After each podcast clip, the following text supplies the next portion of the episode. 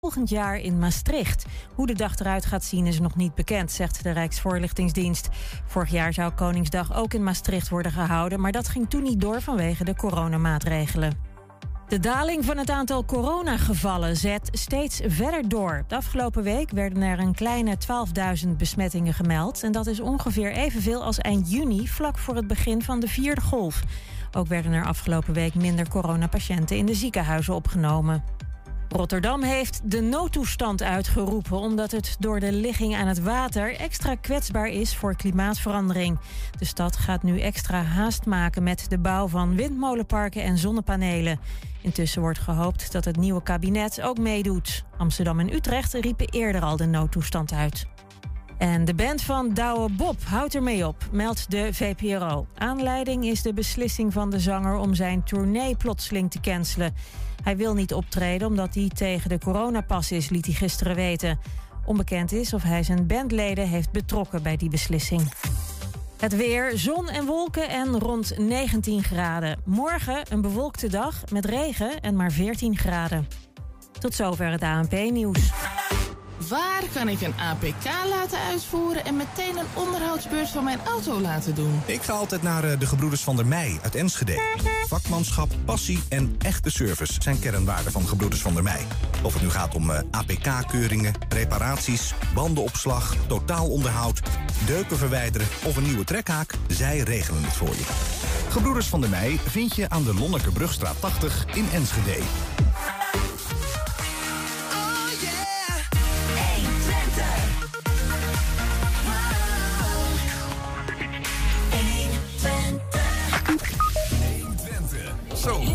Speelt. gebeurt hier nou? Met nu nieuws. We hebben even een doorstartje. Ik zal hem eventjes uitzetten. Zo, hebben we nou het ANP-nieuws de nek omgedraaid? Ja, Kunnen we dan beginnen? we kunnen inderdaad wel beginnen, ja. Het QR-code toegangsbewijs zorgt voor verdeelde reacties bij jongeren in Hengelo. En, de, en betekent die QR-code het einde van de dartscompetitie in Twente en de Achterhoek? Met de tentoonstelling Sneaky Shoes wil het Stedelijk Museum in Almelo meer jongeren trekken. En Kunst in het Volkspark krijgt een wintereditie. Het is dinsdag 28 september. Dit is 120 vandaag. 120. 1. 120 vandaag. Een verhit woondebat gisteravond in de gemeenteraad van Enschede. Met name de coalitiepartijen kruisten meermaals de degens. En dat ging gepaard met de nodige emoties. Verslaggever Wilco Lauwers was erbij. Wilco, goedemiddag. Goedemiddag. hey. Even om te beginnen misschien. Het was het eerste debat weer in gewoon de gemeenteraadzaal waar het thuis hoort, toch? Ja, sinds corona. En voor mijzelf was het alweer eh twee jaar geleden, omdat ik bijna twee jaar geleden, omdat ik natuurlijk toen eh, weg ben gaan bij eh, Tubantia. En ik was toen stadsverslaggever. Dus dat is wel weer eh, heel lange tijd weer. Thuis voor thuiskomen, voelt het dan zo voor jou ook als Ja, politieke goeroe? kind aan huis in het gemeentehuis. Maar ook wel grappig, June Notts, de wethouder die Ilko Ehrenberg verving. Die heeft pas gisteravond voor het eerst eh, in de raadzaal gesproken. En dat is één jaar en zeven maanden na aanstelling. Kun je nagaan. Is dat dan ook anders? Merk je dat de sfeer anders is als ze in, in die arena samenkomen? Ja, ja het, is, het is wel een beetje thuiskomen. In de burgerzaal, dat was mooi eh, aan de ene kant. Maar toen had je die...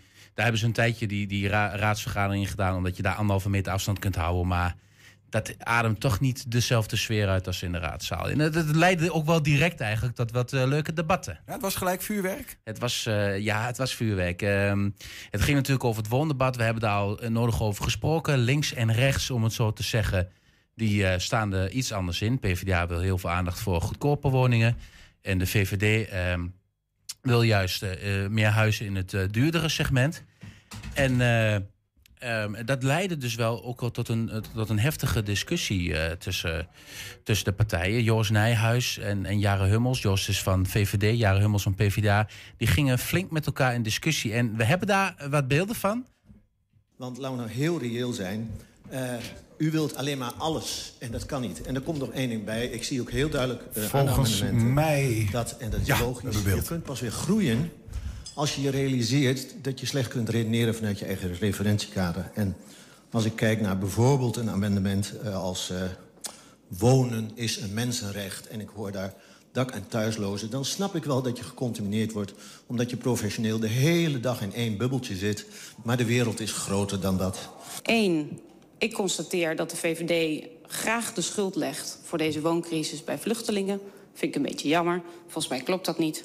Twee, welke arbeider gaat er bij uw voorstellen op vooruit? Ben ik heel benieuwd naar, want u legt de bal bij ons. Maar volgens mij ben ik juist aan het proberen, samen met mijn collega's... om deze stad nog wel een beetje betaalbaar te houden... voor mensen met een modaal of lager inkomen.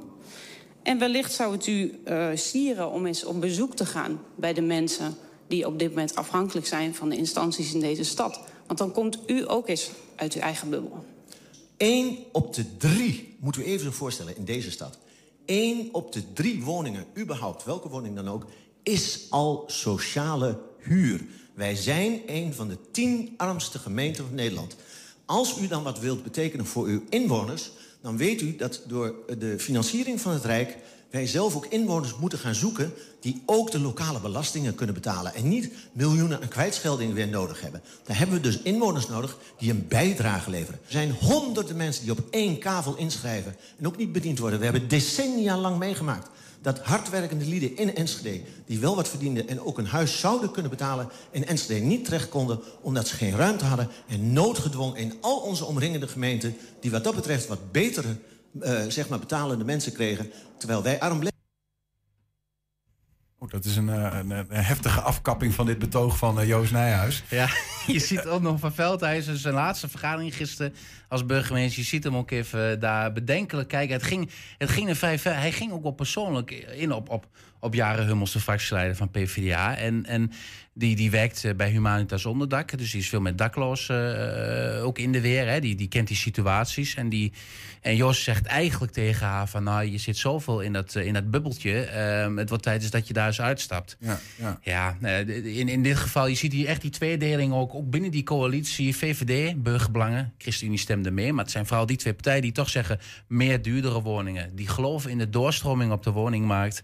Dat je uh, door een duurdere woning te bouwen... gaat iemand van Lares bijvoorbeeld op het Vaneke wonen... en dan iemand van Wesselenbrink op Lares. Mm -hmm. En dan kan in Wesselenbrink aan iemand met een uh, kleine portemonnee wonen. Dat is het beeld. En, en Jaren Hummels zegt... nee, we moeten juist direct voor die onderkant van de markt bouwen...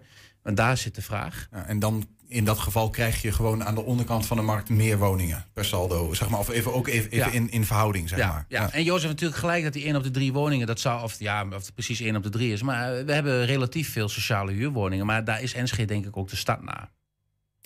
Even later uh, sloeg de vlam opnieuw in de pan. Toen, Ja. ging het, toen was er overigens Joost Nijhuis van de VVD opnieuw. uh, die, die zat er lekker in Ja, en dan moet, ja, dan moet ik even bij zeggen dat, dat er nog een coalitiepartner is, D66. En nou ja, die wilde denk ik wel meestemmen al met PvdA. Maar na dit debat eh, dacht Fik van Dijk, die daar het woord voert op dit thema, dacht van... um, ik ga er even wat van zeggen op mijn manier.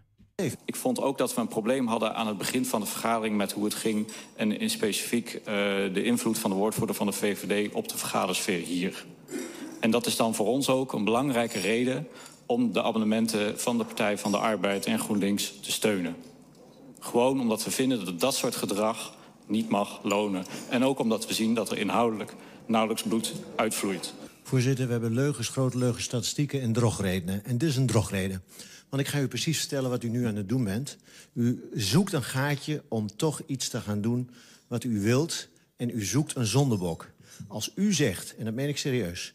want anders bent u geen serieus debater...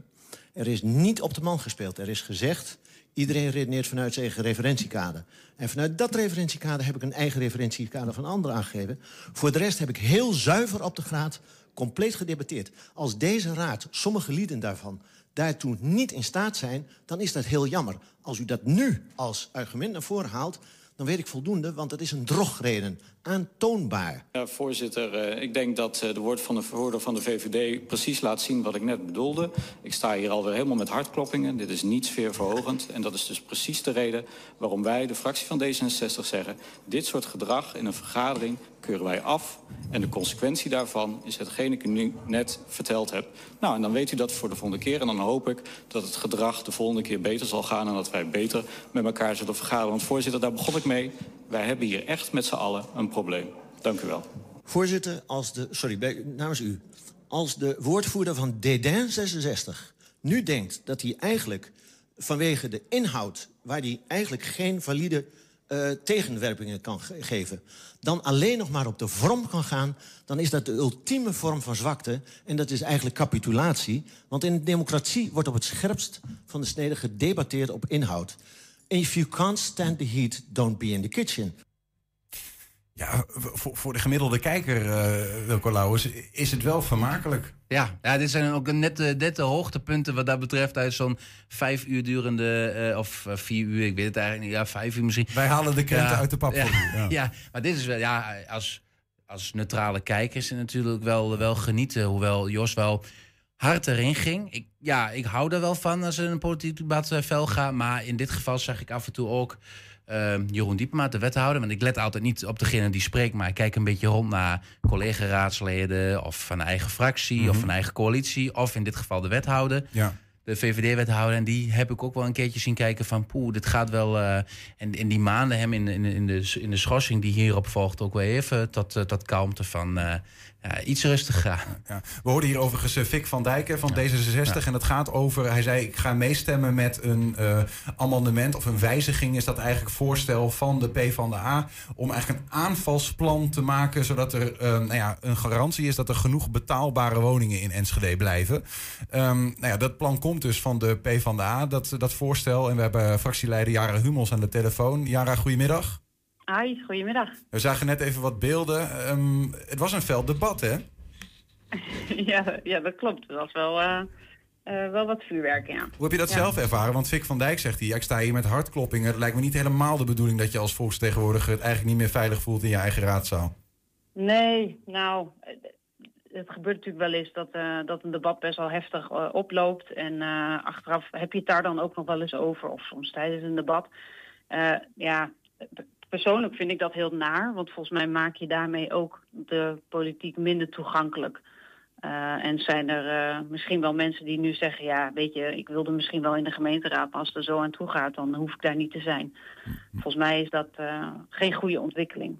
Hey, Jara, dat, dat, aanvalsplan wat nu is aangenomen, onder meer omdat D66 uiteindelijk meestemde, mm -hmm. om welke reden dan ook. Um, wat, wat moeten we daar ons eigenlijk bij voorstellen? Wat, wat zegt dat, dat plan eigenlijk? Ja, Niels, ik ben er wel van overtuigd dat het gewoon ook op inhoud. Uh, dat, dat hoop ik eigenlijk ook, ja. Nee, dat is uiteindelijk ook wel uh, nog een keer benoemd hoor, door, uh, door Vic van Dijk. Okay. nadat er even wat stof neer was gedaald. Um, kijk, dat aanvalsplan waar, waar ik om vraag, en het vervelende is, het zijn allemaal dingen die ik graag erbij zou willen. Hè? Dus ik haal niks aan de voorstellen die het college heeft gedaan ervan af. volgens mij was het de basis ook goed. Maar dit wil ik erbij hebben. Uh, dat wil ik eigenlijk al, al een aantal jaar, we vragen daar ook al een aantal jaar aandacht aan uh, voor. Is hoe zorg je nou dat je Enschede ja, betaalbaar houdt? En uh, laat dat nou een van je belangrijkste uh, doelstellingen zijn als, als lokale politiek en als gemeente. Mm -hmm. want ik vind, per, ja, dat is echt een principiële discussie ik vind dat wij ervoor zijn dat die stad betaalbaar blijft. Wat is betaalbaar uh, eigenlijk dan in dit geval? Ja, nou dat is dus uh, wat past bij je stad. En Wilco zei het net uh, mooi over de sociale huurwoningen en een derde daarvan. En Enschede is daar ook wel de stad naar. Dus volgens mij moet je heel goed kijken naar hoe is onze stad opgebouwd. Wat is het inkomen van onze inwoners, maar ook hoe, zit, hoe zitten de schulden en de armoede. Hè? Jullie hebben daar hele mooie items over gemaakt een tijd geleden. Ja. Ja, dat is wel de realiteit van alle dag. Maar bedoel je dan dat, En- dat, het, het, even dat, al, dat je voorstel eigenlijk wordt ingewilligd? Dat het, dat het het doel bereikt op het moment dat de Enschedeer, de, die hier woont, dat hij hier ook Ja. kan blijven wonen? Eh, En, Ja. en, en er niet onder lijdt. Dus niet de stad hoeft te verlaten omdat er geen woning meer voor hem of haar Nou, is. het zou toch idioot zijn als, dat, als we dat laten gebeuren. Dus inderdaad, dan, dan in betaalbaar is voor Enschede, mijn inziens, eh, toch wel ongeveer de prijzen die je in de sociale huurwoningen betaalt. Dat- ik Want- vraag dat ook omdat je eigenlijk niet over concrete aantallen eh, wo- wordt gesproken. Weet je wel? Dus, dus wat is dan precies het doel? Wanneer is het, het voorstel ingewilligd, om het zo maar te zeggen? Ja, kijk, probleem ik vind het ook lastig om aantallen te noemen. Want ik, ik moet eerlijk zeggen dat ik als raadslid daar soms ook, en daar hebben we het gisteren ook over gehad, te weinig eh, gevoel bij heb. Hè? Dus ik, ik wil ook dat wij met elkaar in gesprek gaan over, over de aantallen. En die kon ik alleen natuurlijk gisteren niet letterlijk zo in dit plan zetten. Dus laten we met elkaar goed kijken naar die aantallen en wat is er dan nodig. Maar als ik kijk naar, naar die planvorming, want dat vind ik een van de belangrijkste dingen. Wij willen graag groeien, ehm, maar dat gaat voornamelijk gebeuren vanuit eenpersoonshuishoudens. Die hebben een eenpersoonsinkomen. Die moeten dus heel erg betaalbaar kunnen wonen. Dus die moeten niet straks een huur van 1000 euro per maand hebben. Maar als het, als het zeg maar niet per se specifiek om, om, om aantallen gaat, of dat, dat zeg maar het, mhm. het echte doel is dat uh, de Enschedeer ook met een smalle beurs gewoon in Enschede kan blijven wonen en geen schulden oploopt, dan is toch een, een voorstel van bijvoorbeeld uh, eh, VVD van hé, hey, dan kun je ook aan de bovenkant bijbouwen, zodat mensen die een, nu een middenwoning hebben, uh, naar die bovenkant doorstromen en er onderaan uiteindelijk ruimte vrijkomt voor de starter of voor de Enschede met een smalle beurs, is toch helemaal niet zo gek? Nee, maar en daar zit weer ook zo'n beetje zo'n ideologisch clash. Ik geloof daar niet zo in. Ehm, in die doortrek. Hè. Dus het, dat, het kan best dat het zo gebeurt. En dat is heel mooi in theorie. Maar ik zie nog nergens dat dat letterlijk is hoe het gaat in onze stad. Volgens mij staan juist in de plannen dat we heel graag mensen van buiten Enschede willen die dan die mooie dure woningen kopen. Nou, dan komt er dus geen enkele woning vrij in Enschede. Hè, want dan, dan wordt die gewoon van de bovenkant afgekocht. En dan stroomt er helemaal niemand meer door. Dus ik denk dat dat niet klopt. Um, waarom, waarom heb je daar een idee bij? Waarom gebeurt die doorstroming dan niet vanuit Enschede zelf die in een middenwoning wonen en naar, weet ik veel, de Leurix of uh, uh, het Vanekers gaan? Ja, nou even, als, als je dus zegt, het is allemaal, het is allemaal theorie, wat, wat uh, het college doet en hoe ik er dan op door zit te denken. Dan denk ik, nou, dan komt zo'n Leurits Oost, dat is straks een, een, woning van vijf ton. En wij zetten dat breed in Twente of heel Nederland in de markt. Als iemand uit Borne dan dat huis koopt, ja, dan komt er in Borne wel een woning vrij, maar niet in Enschede. Dus dat is, dat is zeg maar hoe ik hem uh, bezie. Maar ook, uh, ik heb mijzelf als voorbeeld genoemd. Ik woon nu in een wat ooit een starterswoning was, wat ik in mijn eentje heb gekocht. Uh, als ik mijn woning straks verlaat, is het geen starterswoning meer. Dus uh, ik trek dan wel door. Hè? Dus ik, mm. ik kan nog wel een stapje omhoog of twee stapjes omhoog, maar er kan geen starter meer in mijn woning. Tegelijkertijd, dus wat, wat, wat Joost Nijers ook in het debat um, tegen je zei van als je aan de onderkant uh, bijbouwt en, en, en je trekt mogelijk daarmee ook mensen aan die in die woningen uh, wonen, ja, die, die vragen over het algemeen en die, die, die vragen dan een kwijtschelding van belasting of zo, wat hij daarin zei. Ja, en dat, de, de, hoe kijk je daar dan tegenaan? Nee, dat vind ik echt heel, hele nare politiek. Volgens mij, hij, hij doet daarmee een beetje zijn, uh, ja, PVV-corvée gevoel krijg ik daarbij. Uh, arme sloebers, we willen je niet. Hè? Dat, uh, ik vind dat heel naar. Volgens mij is onze werkloosheid nog nooit zo laag geweest. Volgens mij is het, heb ik bij jullie ook wel eens gezegd in de studio, hoe meer geld je overhoudt, uh, des te meer je kan besteden in je stad, des te positiever en perspectiefvoller je in het leven kan staan. Dus ik, ik blijf vinden hm. dat je met een, een betaalbare, betaalbare huisvesting geeft je zoveel kansen in het leven. Um, en ja, hij schetst daar gewoon uh, ja, een heel ander beeld bij. Alsof het allemaal uh, zinloze mensen zijn die we dan naar de stad halen. Ja, vind ik, vind ik heel verwerpelijk. Tot slot, uh, Jaren Hummels, Burgerbelangen, ja. VVD en ChristenUnie, die, dat zijn alle drie coalitiepartijen, stemden tegen jullie amendement, tegen jullie mm -hmm. wijzigingsvoorstel. Is dat nou een klein scheurtje in de coalitie? Of is dit uh, en het rest van het verhitte debat ook een beetje een soort van verkiezingskoorts die begonnen is? Nee, nou ja, dat hoorde ik natuurlijk ook een paar mensen zeggen gisteren. Uh, waren het niet dat wij sinds 2019 al op deze onderwerpen al aandacht vragen. Dus dat, uh, ja, het komt nu een keer naar voren omdat we nu een keer duidelijk willen maken dat we er aandacht aan moeten besteden. Uh, ja, dus of, het, of je het zo zou kunnen zien. als je het wil zien, mag je het zien, maar dat is niet de bedoeling geweest. Het, en overigens gaat het ook niet over mij in de campagne. Het gaat over onze inwoners. En of die prettig kunnen wonen met het bedrag wat zij verdienen uh, in onze mooie stad.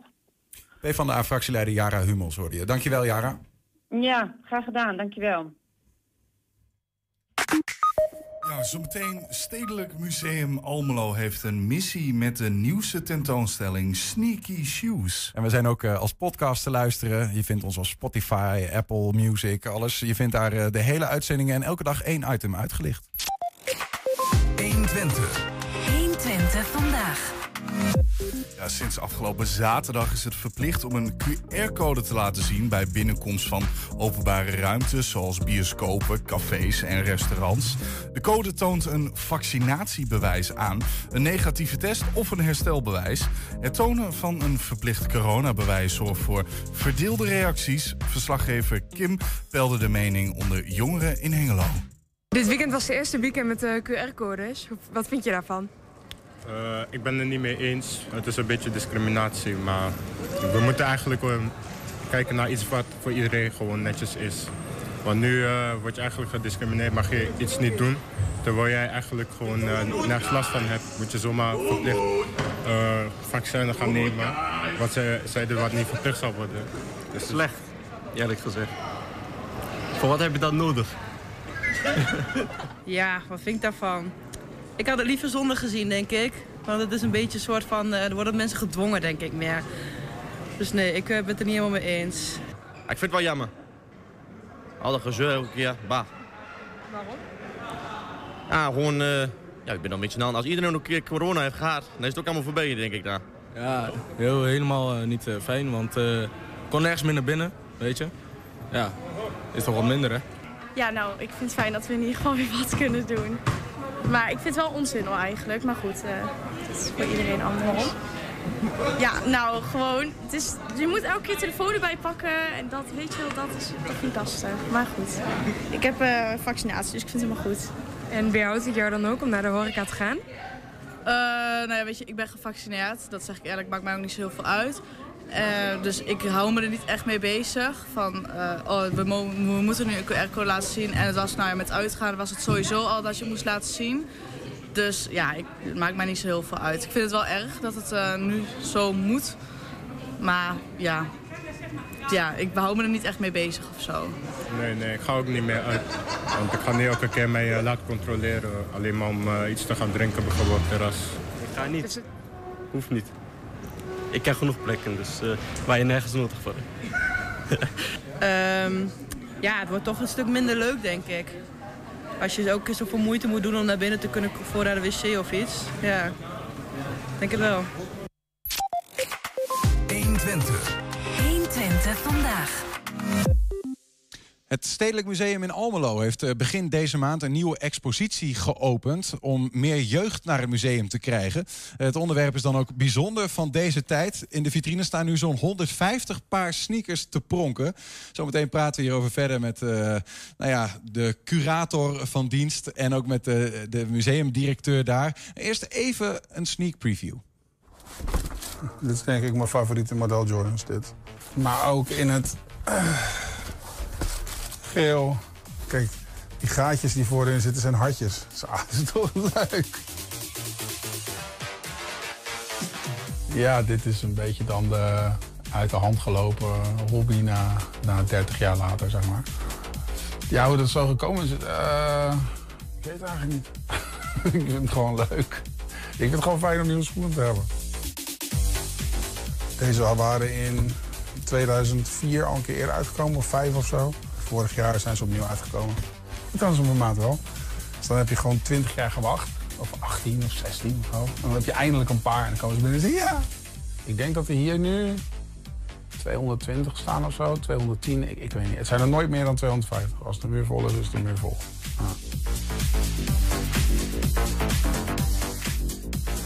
Dit waren gewoon, dit is zeg maar de allereerste keer dat ik op straat een schoen zag en dacht van, wat is dat? In 1990. Hoe lang ga ik nog door? Ik weet het niet. Ik vind het nog steeds leuk. Het is ook gewoon bijna gewoon doos. Soms doe, ga ik even kijken wat er staat. En doe ik doos op en denk oh shit, ja, die ga ik aan vandaag. Het is bijna een ontdekkingsreis op zolder, zeg maar. Ja, is toch leuk? Het is helemaal niet uh, raar. Elf paar sneakers moet je de komende maanden missen. Want die zijn te zien in het Stedelijk Museum Almelo... waar nu een heuse sneaker tentoonstelling is. We willen graag als museum ook wat laagdrempelige tentoonstelling... voor een breder publiek. Elke schoen heeft een verhaal ergens. En ja, als je, dat is hetzelfde als naar, naar, als je naar een schilderij eh, gaat kijken. Dan, ja, als, je, als je naar binnen kan ook en denk je, oh, allemaal schilderijen. Maar als je goed kijkt, dan zit er overal een verhaal achter. En dat, dat heb je hier ook. Het is de eerste ook in Nederland uh, over de sneaker.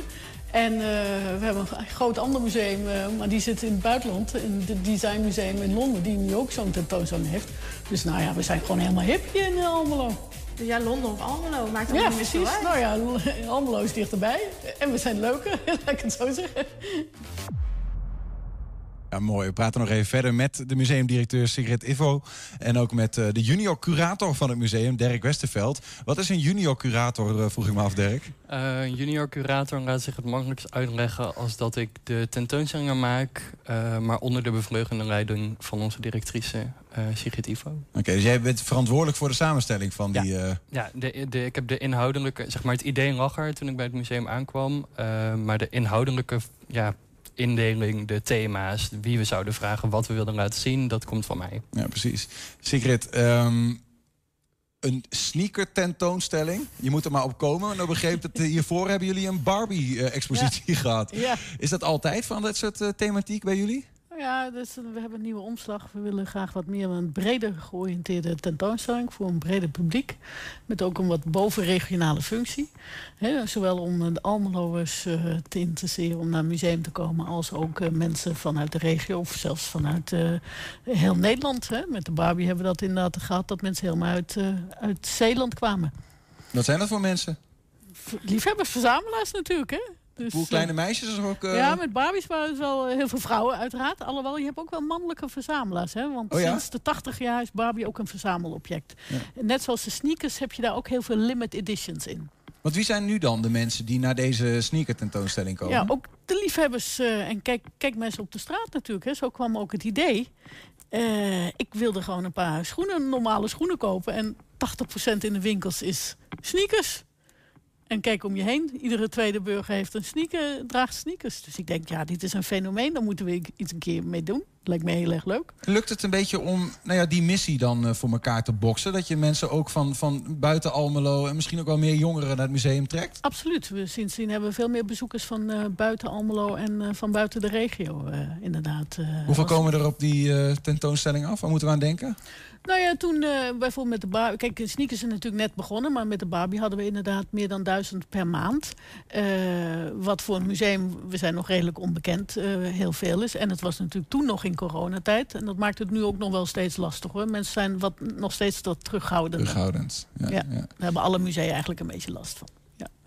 Dus het moet nog wel een beetje ja, op gang komen. Als daarom zijn we ook blij met uh, alle reclame natuurlijk. En dat we hier zijn. Dus uh, ik, ik nodig iedereen uit. Ik noemde 150 paar sneakers in de introductie. Maar ik zie ze allemaal enkel staan. Zijn wat alleen, zeg maar niet in paren, uh, Dirk. -hmm. Zijn het 150 sneakers? Of hoeveel zijn het er eigenlijk die er daar staan nu in totaal? Ik um, had ze van tevoren nooit zo geteld. Maar ik zag dat een bezoeker laatst wel gedaan heeft. En ik moet ons corrigeren. Het zijn 144 schoenen um, dan zou je zeggen dat is ongeveer... Uh, nee, ik kan niet rekenen. 7, 77 paar? 70 paar?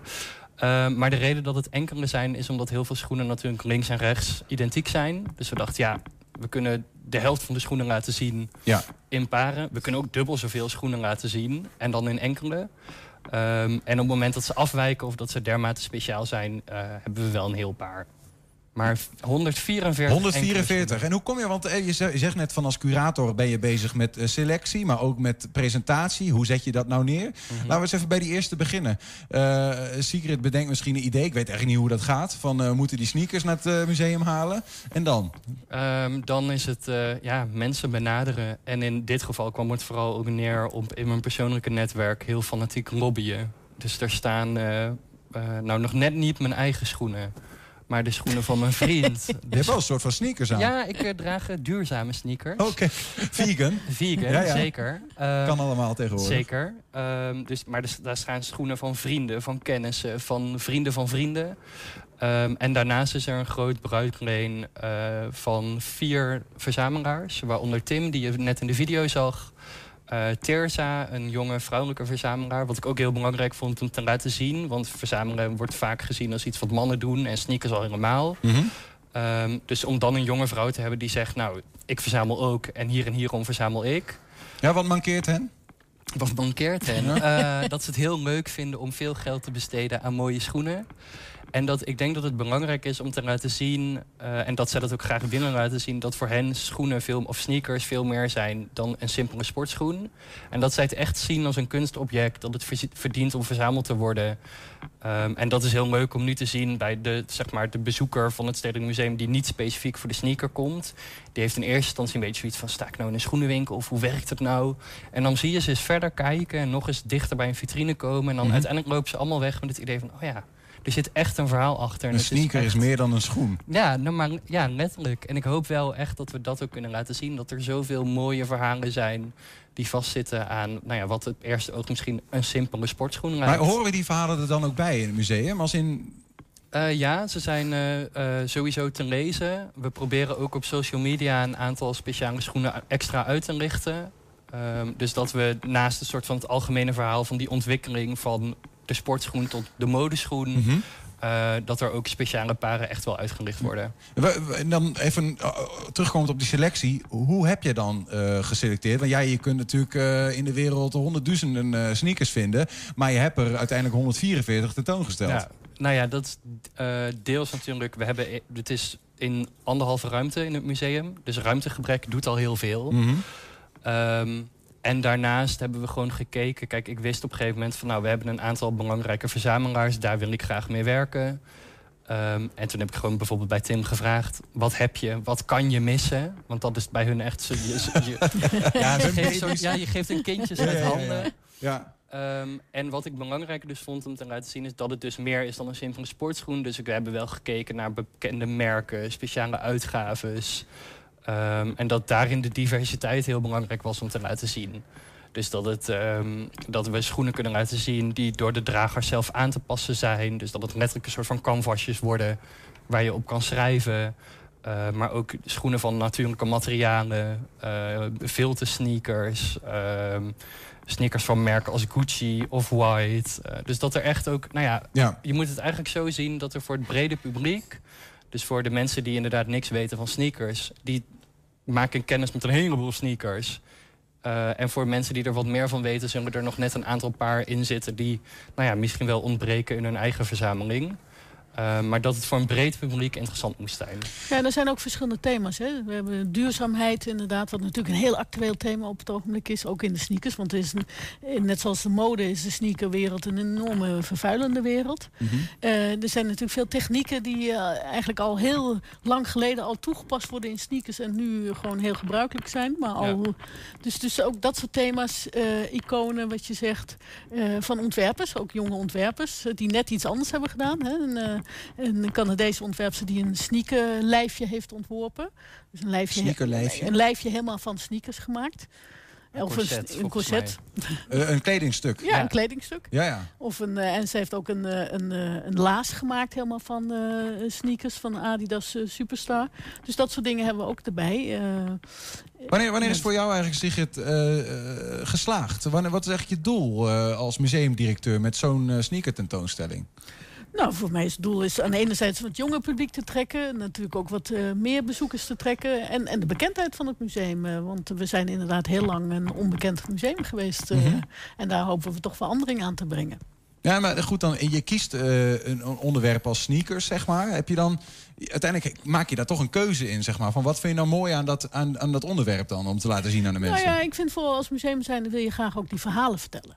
Het is inderdaad, uh, iedereen ziet een sneaker, je ziet het allemaal in het dagelijks leven, maar dat daar zoveel bijzondere verhalen achter zitten, dat zie je niet. Uh, en dat vinden wij, uh, vind ik tenminste als museum belangrijk. Het, je, geeft, je zet het eigenlijk in een soort context, zowel in zijn tijd, maar ook naar in het verleden toe. Betekent het dat je, um, hè, wat noemen dat even, Barbie, sneakers, ja.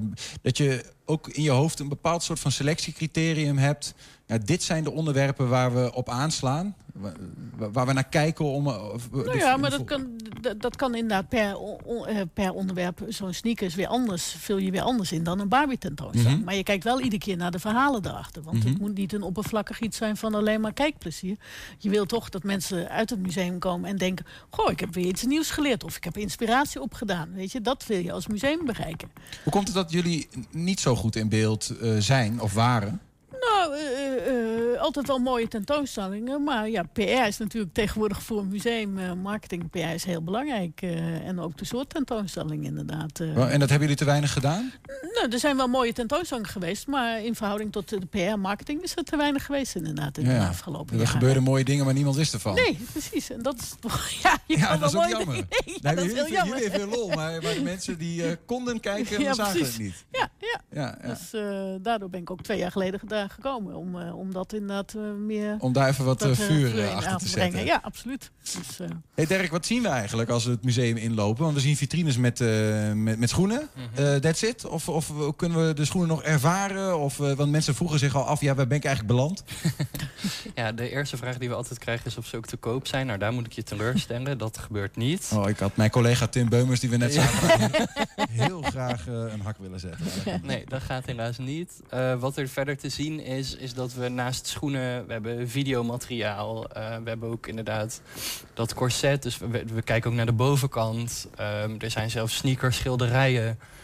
ehm, foto's. Eh, ja, dit, we proberen echt de sneaker zo breed mogelijk neer te zetten. En misschien aanhakend op wat we net zeiden, wat we er nou eigenlijk mee hopen. Wat voor mij persoonlijk nog wel een doel is. ehm, is, nou, ik kom zelf uit de achterhoek en had daar altijd het idee van, nou, er, er, cultureel gezien gebeurt er niet zoveel. Eh, dan moet je naar de grote stad. En ik hoop echt dat we met dergelijke tentoonstellingen ook al aan jong publiek kunnen laten zien van, nou, zo leuk kan cultuur zijn, zo leuk zijn musea. Het hoeft niet ingewikkeld, het hoeft niet moeilijk. Historie. eh, nee, het, ja. het is niet saai. Ik bedoel, in principe, hoe leuk is het om de schoenen die jij bij wijze van spreken draagt... In, een keer in een museum te zien? Want die zullen er ongetwijfeld tussen zitten. Ehm, dus het is een brede, breed toegankelijke tentoonstelling van grotendeels schoenen... maar met genoeg extra interessante dingen om je verder te laten kijken. Waar ben je zelf het meest trots op? In die, eh, wat vind je het mooiste, de sneaker die er Oh, staat? Of het mooiste verhaal? Of... Ehm, ik moet wel zeggen dat ik heel trots ben op de Adidas Superstar laarzen die, waar die Sigrid ook al over vertelde. Ook omdat dat heel mooi laat zien. Dat zijn, is een paar laarzen uit 2018. Ehm, en dat wordt neergezet naast een paar schoenen van Lola Pagola uit de jaren 90. En Lola Pagola was een Nederlands merk dat soort van door Adidas gedwongen werd om te stoppen met hun Adidas geïnspireerde schoen. En dan zie je dus dat in 2018, die laarzen die we hebben, dat zij juist in samenwerking ontstaan zijn met Adidas. Oké. Dus dat het heel mooi ook laat zien hoe merken door de tijd heen een andere ja, houding hebben ten opzichte van mensen die aan de haal gaan met hun ontwerpen. Er is Eh, verzoening ontstaan. Ja, ze zien eindelijk in dat het leuk kan zijn om met meerdere mensen ja, creatief te zijn op een ontwerp. Sigrid, voor jou, heb je een persoonlijke favoriet? Nou, ik heb een persoonlijk favoriet is een eh, van Puma op eh, hakken. Die komt ook uit het Puma Ik wil wel Dus, zien eh, een puma op hakken ja, op de precies. savanne. Hoe dat eruit ziet. Ja. En ik vind het ook altijd wel heel erg leuk. We hebben ook veel van eh, jonge ontwerpers die inderdaad met het thema duurzaamheid eh, doen. Dus die recycled, eh, die oude eh, sneakers recyclen.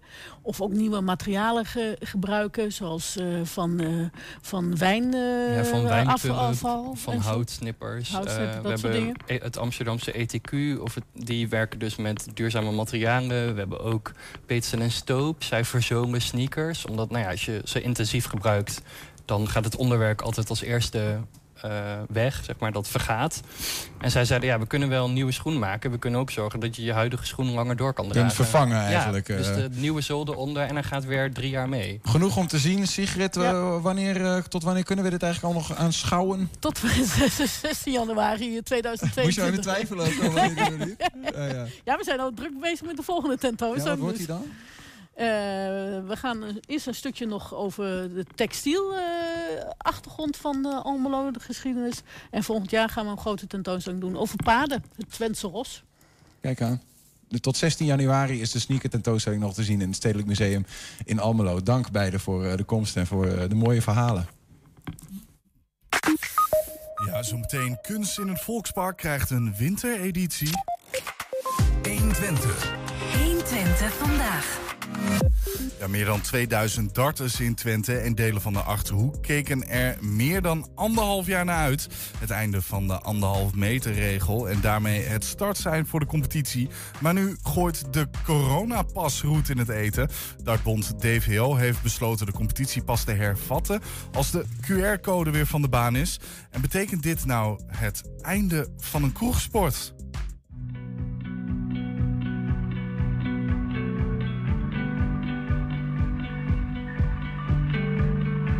Enkel heeft nou anderhalf jaar stilgelegen, het darten. Maar je kunt toch anderhalve meter afstand houden? Waarom gaat het eigenlijk niet?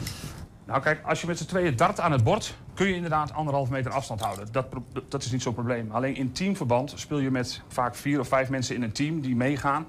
En als je twee teams hebt, heb je het al over tien man. De darters hoeven geen rekening te houden met de anderhalve meter. Maar dat mensen die eromheen zitten worden dan gezien als ja, gasten in het café. Die moeten zitten, geplaceerd of zitten. eh, en op anderhalve meter afstand van elkaar. Nou ja, goed, en als je twee mensen hebt die gooit en één aan het bord... heb je zeven mensen in de zaal. Nou goed, als je dan anderhalve meter afstand moet houden... ja, dan praat je over een hele lange lengte. Ja, als bond hadden wij geen keus. Toen vorig jaar maart eh, gezegd werd de cafés gaan dicht. Ja, dan sluiten in één keer al je locaties die sluiten. We, we hebben geen één locatie waar we met z'n allen datten... maar iedereen heeft zijn eigen locatie. En toen uiteindelijk weer het los kon voor ons, de competitie... Ja, toen zaten we dus nog steeds met die anderhalve meter die er nog op zat. Ja, en dan gaat eindelijk die anderhalve meter eraf. Hè? Dat is onlangs aangekondigd. Nou, dan ben je dolblij, denk ik. Dat kan er weer gedacht worden. Dat was wel in eerste instantie het idee bij ons. Toen we zo'n beetje horen, je hoort natuurlijk altijd een week van tevoren voor zo'n persconferentie komt van het gaat gebeuren. En dan eh, verwacht je dus eigenlijk dat je dus weer kan gaan, gaan beginnen, ja. Maar ik hoor hem maar. Ja, want toen kwamen ze met het feit dat je dus je moet laten checken met een coronapas. En eigenlijk aan de hand van de reacties die we op dat bericht hebben gekregen, op dat nieuwsbericht op onze site. Ja, toen begon bij ons wel een beetje de twijfel toe te slaan van... oh, er zijn nu wel heel veel mensen die hier toch eigenlijk wel heel veel problemen mee hebben. Het nadeel is alleen, als, je dus, als die mensen aangeven dat ze dus dan willen stoppen... of eh, we hebben zelfs teams gehad die zich terug wilden trekken als dit door zou gaan... Eh, omdat zij eh, niet van plan waren om eh, mee te werken aan zo'n coronapas. Nogmaals, wat hun goed recht is. Maar ja, dan ga je dus wel op een gegeven moment le- leden benadelen. Want ja, sommige leden die al heel lang bij de vereniging zitten... die daar niet aan mee willen doen, ja, die ga je dan buitensluiten. We hebben uiteindelijk besloten van, omdat de regering zelf aankwam... de peldatum is 1 november, dan gaan ze opnieuw kijken of het gewerkt heeft. We hebben ook gezegd, dan wachten wij tot 1 november. Dan gaan we 1 november kijken wat de regering dan op dat moment gaat bepalen. Als dat negatief is, en dan bedoel ik dus echt een, eh, met een coronacheck nog steeds misschien wel de hele winter door. Dan zijn wij als bestuur voornemens om een, eh, een, een bijzondere algemene ledenvergadering uit te schrijven. En dan onze leden te vragen wat zij verwachten van ons. Betekent dat niet, niet een einde van een kroegsport? Dat zou kunnen, ja, ja. Voor de sport aan zich, zoals die competitie niet doorgaat, hij zal niet uitsterven. Maar het niveau zal minder worden. Er zullen minder mensen gaan datten. Ja, dat zal gewoon zonde zijn voor zo'n leuke sport. Mis je misschien een nieuwe Michael van Gerwen? Dan zou je misschien de nieuwe Michael van Gerwen kunnen missen, ja. 120. 120 vandaag. Ja, al decennia is het een jaarlijks tafereel in het Enschedeze Volkspark. Honderden meters aan kraampjes waarop allerhande kunst staat tentoongesteld... met wat pop- of orkestmuziek on the side. Tot nog toe vaak in de brandende zon, midden in de zomer. Maar dat gaat veranderen, want Kunst in het Volkspark krijgt ook een koude editie... midden in de winternacht. We praten erover met voorzitter Jeroen Hatenboer. Jeroen, goedemiddag. Ja, goedemiddag. Z- Zijn dit dan eindelijk die zoete vruchten vanuit die coronacrisis? Eh, ja, nou, het is, de aanleiding is nog extra zuur eigenlijk. Want eh, jaarlijks moet je bij de gemeente natuurlijk een subsidieaanvraag doen. Dat doen we ook al jaren. En we werden ook altijd keurig gesubsidieerd. Omdat een gratis evenement organiseren... waar eigenlijk geen mogelijkheid is om zelf echt inkomsten te genereren... dan ben je afhankelijk van subsidie en sponsoring. En de gemeente, daar, wij vielen buiten de boot. Eh, maar dat was net in het, eh, voor het jaar 2020. Dus dat was in het coronajaar. Dus dat ging überhaupt niet door. Dat viel nogal mee, die schade. Ja, maar als bloed, eh, doekje voor het bloeden kregen we een subsidie van 10.000 euro. om iets anders te gaan organiseren op een ander moment. Of in ieder geval nog wat te doen in coronatijd. Nou, dat viel natuurlijk door alle lockdowns en zo helemaal in het water. Maar toen is wel het idee geboren om een winterversie te maken. Even tussendoor, waarom vielen jullie buiten de boot eigenlijk? Nou ja, je hebt meer partijen die vragen naar subsidie. En de voorwaarden zijn dat je innovatief moet zijn. En je moet van, nou ja, je moet van alles, zeg maar. Ja, Ja. daar verdeden wij niet aan. We zijn natuurlijk, jij noemt het al, we bestaan al decennia. Dus ja. Maar decennia een prachtig evenement, Ja, toch? En ook. Succesvol komen- ook over ja, het algemeen. zo tussen de 20 en de 25.000 mensen. Maar goed, ja, criteria worden beoordeeld. En als er dan meer vraag is dan eh, aanbod van geld, kan je wel eens uit de boot vallen. ja. Ja, we zijn nu bezig met de subsidieaanvraag voor volgend jaar. En dan moeten we ook al voor de wintereditie van 2022 nu al doen, terwijl we nog geen versie gemaakt hebben. Maar goed, uiteindelijk gaan we wat organiseren. Precies. Nee, maar voor deze, voor deze wintereditie die er nu dan aankomt, daar heb je dan wel Daar eh, de handjes 10 voor elkaar voor gekregen. gekregen, Ja, ja. omdat van de gemeente. Maar die komt niet uit de evenementensubsidie, maar uit de cultuursubsidie. Dus dat is echt een wezenlijk andere pot met andere voorwaarden. Dus we zijn wel blij dat de gemeente dat wel gedaan heeft. Dus ze zien wel de meerwaarde ervan. Maar als je moet concurreren met allerlei andere evenementen, kan het zijn dat je een keer niks krijgt. Dat geldt voor iedereen. Wat Dus- moet ik me erbij voorstellen? Waar, waar- op welk ja, dat fundamentje van, van 10 mil, wat wordt er bovenop gebouwd? Nou ja, we zijn een creatieve club. We zitten in de kunst. Dus wat we aan het doen zijn, is een mini-kunst in het Volkspark. Dus het is niet zo massaal als anders, maar we hebben een route in het donker. En op die route kom je allemaal verrassingen tegen. En het hoogtepunt is eigenlijk een kunstwerk wat speciaal gemaakt wordt door voor het evenement. Ook door een hele beroemde glaskunstenaresse. Ik ga de naam nog niet noemen, maar als je nu googelt op glas dan vind je haar vast. Die maakt speciaal voor de wintereditie maakt dat. Dat wordt op een bijzondere plek in het park neergezet, helemaal uitgelicht. En een route ernaartoe loop je als het ware tussen kramen door, waar ook kunst op tentoongesteld staat. Eh, dat is zeg maar de, echt de zichtbare link met het huidige evenement, wat zomers is. Mhm. Maar de aankleding daarvan wordt natuurlijk wel weer anders. Dus daar zijn we nu aan het organiseren om dat mooi te doen. Nou ja, want als je het hebt over, want we hebben het over een wintereditie, 18 december. Ja, Eh, 18 december, zaterdag 18. Dan krijg ik zo'n kerstmarktidee eh, in mijn hoofd. Nou ja, dus het zal veel met licht en met vuur en met, nou ja, dat zijn een beetje de thema's. En het mooie is dat Enschede een circusfestival heeft. En we zijn nu met hun in gesprek. Wellicht, we zijn er nog niet helemaal uit, kunnen we ook wat in de ruimtes van het circus. Want dat begint pas een week later. En een van de dingen die we daar graag zouden willen is een concert. Dat is in ieder geval de ambitie. Dat we straks ook, wat we zomers doen, een gratis concert. Dat we dat ook 's winters kunnen doen. En het mooiste zou zijn dat dat in de arena van het circus is. Dan hebben we een tent, hoeven we geen extra dingen voor te doen. En we zijn nu met de organisator van het festival aan het kijken. Hoe moet dat dan? Wat kan dan? En we zijn natuurlijk met Fion, met het voormalig orkest van het Oosten, zijn Ja. we in gesprek om dat ook inhoudelijk goed te doen. Ik zie het al voor me. De, wordt strijkers van het Vion tussen de tijgers. Nou ja, dat, die zijn er niet meer. Die hè? zijn er dan Ja, nog niet en die mogen er geloof ik niet eens meer zijn. Maar we hebben dan in ieder geval wel een hele bijzondere omgeving. En we gaan in ieder geval het zo organiseren dat daar de wandeling door het park begint. En nou, er zitten nog meer verrassingen in, maar de- daar ga ik nu nog allemaal niet vertellen. We zijn nu de website aan het ombouwen, zodat we ook het winterevenement mooi kunnen Maar vertellen. vraagt het een heel ander soort organisatie overigens? Want je hebt natuurlijk draaiboeken voor dat grotere evenement Ja. wat je normaal houdt. Nou Ja, daar is het natuurlijk wel van afgeleid. Het veiligheidsplan is hetzelfde. En weet je wel, dat soort dingen is wel hetzelfde. Maar het is wat anders of je bijna 200 kramen hebt staan... eh, of dat je er zeg maar een 50 hebt langs... eh, en zwinters is het ook anders. Hè? Dus je moet wel rekening houden met dat je de jas aan kan... en dat kunstenaars ook vijf uur... eh, nou, dat gaan ze niet doen. Andere, uur. andere kunst ook trouwens, of niet? Andersoortige Eh, kunst, zeg maar. nou, dan we hebben altijd een jury die zeg maar, beoordeelt welke kunstenaars mee kunnen doen. Hè. We hebben al- altijd meer vraag dan plek. Eh, maar in de zomer zijn dat de 170 plekken, hebben we dan feitelijk. Eh, en nu weten we het niet. We hebben geen idee hoe kunstenaars ook. We hebben natuurlijk, ze vinden het allemaal een heel leuk idee. Maar hoe het dan precies moet, dat gaan we ook ervaren. Dat is wel de leuke ook van als je iets voor de eerste keer organiseert, is eigenlijk alles toch weer spannend. En als, je, eh, als we even zeg maar de, de kranten induiken, ik weet niet wat ik nu trouwens op mijn oortje hoor, maar eh, eh, eh, als, dan, dan zien we ook dat jullie een idee hebben geopperd van om, een, om er een seizoenenversie van te maken. Hè? Is dat eh, nog geleverd? Nou ja, dat, dat idee? is, uiteindelijk zou dat de mooiste ambitie kunnen zijn. Eh, want dan gaan we nou ja, zeg maar de vierjarige tijden van het Volkspark in kunst doen. Eh, dus zeg maar de Quattro Stationen, dan hebben we de muziek al klaar. Maar dan heb je een voorjaar, een najaar, een winter- en een zomereditie. Dat zou heel erg mooi zijn. Maar ja, we zijn een klein clubje, we hebben een heel klein bestuur... en we hebben een groep vrijwilligers die actief wordt op de dag zelf. Maar als je droomt, dan zouden we dat graag willen. Ja, ja. En we zijn eigenlijk al blij dat we straks de zomer en de winter in kunnen Die, vullen. die zomer blijft bestaan. Die blijft zeker bestaan. Ja, als, tenminste, ja, dat is wel Die hebben we twee jaar moeten missen nu. Ja, en het is natuurlijk afhankelijk of we subsidie krijgen. Als we geen subsidie krijgen, dan is dat. Ja, dan kunnen we misschien een heel klein evenement wat volledig gesponsord is organiseren. Maar zonder gemeentes, nou, dan durf ik haast wel te zeggen dat het dan niet wat wordt. Bij deze. Ehm, wanneer komt die, de wintereditie? 18 december 18 om? december, 5 uur s middags in het Volkspark. En het duurt tot een uur of tien s'avonds. En wij hopen dat er ergens een moment komt dat we een concert hebben. Dus Maar daar kom ik graag voor terug om dat uitgebreid te vertellen. Komt dat zien. Jeroen Hatenboer, dankjewel. Graag gedaan. Nou, heb je een tip voor de redactie? Mail het dan naar info.120.nl 120. 120 vandaag. Ja, Niels. Julian. Wij eh, gaan nu naar het volgende blokje. Maar ik denk dat hij... Hij, ik- hij is inmiddels wel eh, in, in de. Ik zie- maar, ik zie hem zelf Ja, staan. we zitten even ernaar te kijken. En, eh, maar eh, ja, we gaan het natuurlijk zo meteen hebben... eh, met de columnist van de dag, dat is Robert van der Meulen, terwijl hij eh, zo meteen naar boven gaat. Niels, nog over dat darten. Ben jij eigenlijk een darter?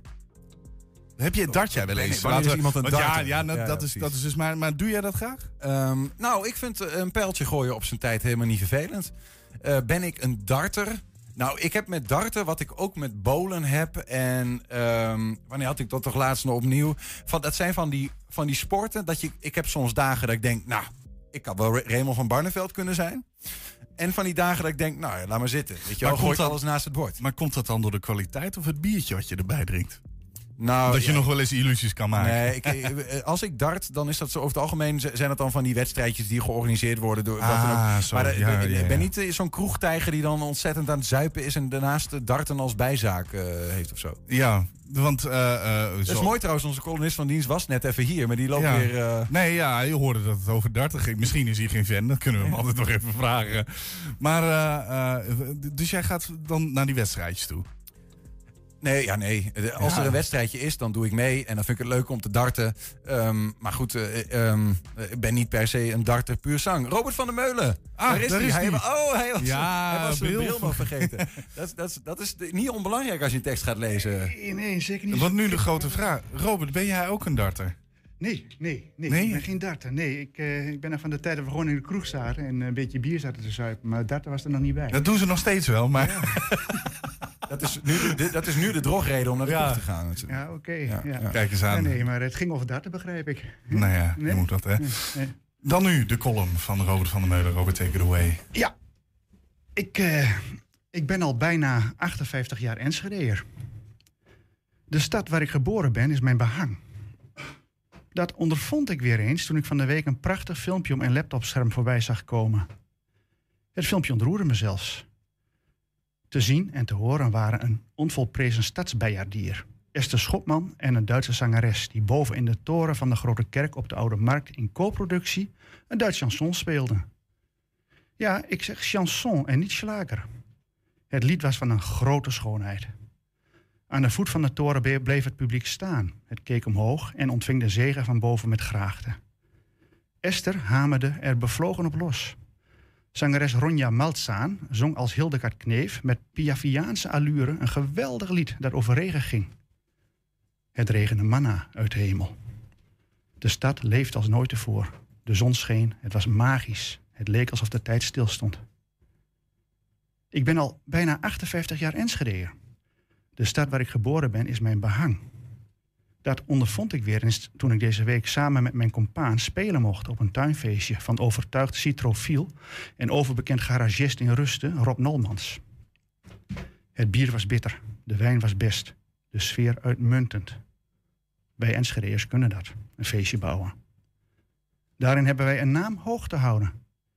En dat het uiteindelijk wat uit de hand loopt qua inname van spiritualiën, dan, ach, dat hebben we er gewoon voor over. Overmorgen is nog ver weg. Zelfs morgen moet nog komen. En wie dan leeft, die dan zorgt, niet waar? De aanwezige meisjes van ooit werden weer meisjes van nu. De aanwezige jongens van ooit werden overmoedig als in hun beste jaren. Er werd volop geflirt en soms zelfs aan elkaar gefrunnikt, alsof er een mulofeestje gaande was. De zon scheen, het was magisch, het leek alsof de tijd stilstond. Terwijl ik een sigaar rookte, moest ik denken aan de oude Grieken. Die hadden twee goden voor het begrip tijd. Chronos staat voor het meetbare, het exacte moment, de kloktijd. Kairos daarentegen is de god van het onmeetbare, de juiste tijd, het bijzondere leefmoment dat je moet zien te pakken zodra het zich aandient, maar waarvan je vooraf nooit zeggen kunt wanneer dat precies zal zijn. Ik neem een ferme slok van mijn wijn. Kijk op mijn horloge en, kom om exact 18.47 uur tot de conclusie dat wij Enschedeers een uitstekend gevoel hebben voor leefmomenten. Ergo, Die Kairos kon best eens een Enschedeer zijn. Ik ben al 58 jaar Enschedeer. De stad waar ik geboren ben is mijn behang. Dat ondervond ik weer eens toen ik van de week op de Heurne zomaar een Enschedeer van toen ontmoette. We liepen elkaar bijna letterlijk tegen het lijf. Na een uitbundig herkenningsfeestje vertelde hij dat hij en zijn vriendin op zoek waren naar een geschikt huis in Enschede. Dat mocht best wat kosten, want hij had zijn zaak in Portugal, waar hij de laatste twintig jaar iets deed in de vis, goed verkocht. Hij sprak voor over ons onlieflijke stadje E anno nu. Hij vertelde dat hij zich 30 jaar geleden uh, als definitief uitgeschreven beschouwde. Maar ook dat de stad waar hij ruim 58 jaar geleden geboren werd, altijd zijn behang is gebleven. In niets was hij veranderd.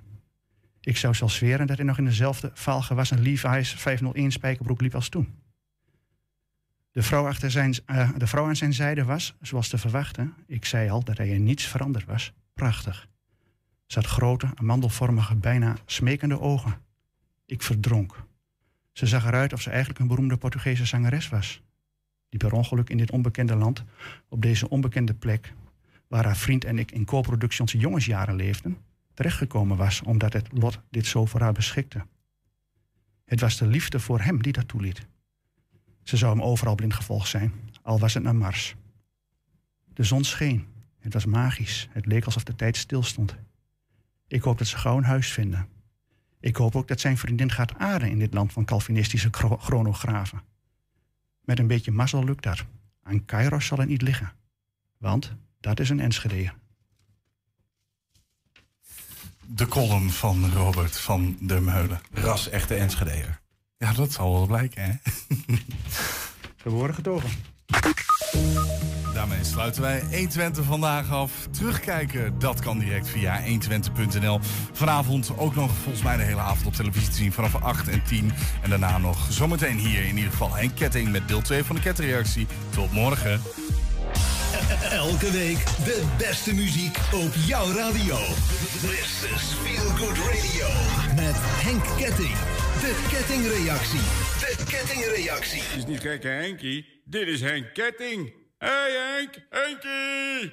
Henkie, Henkie, Henkie, Henkie, Henkie.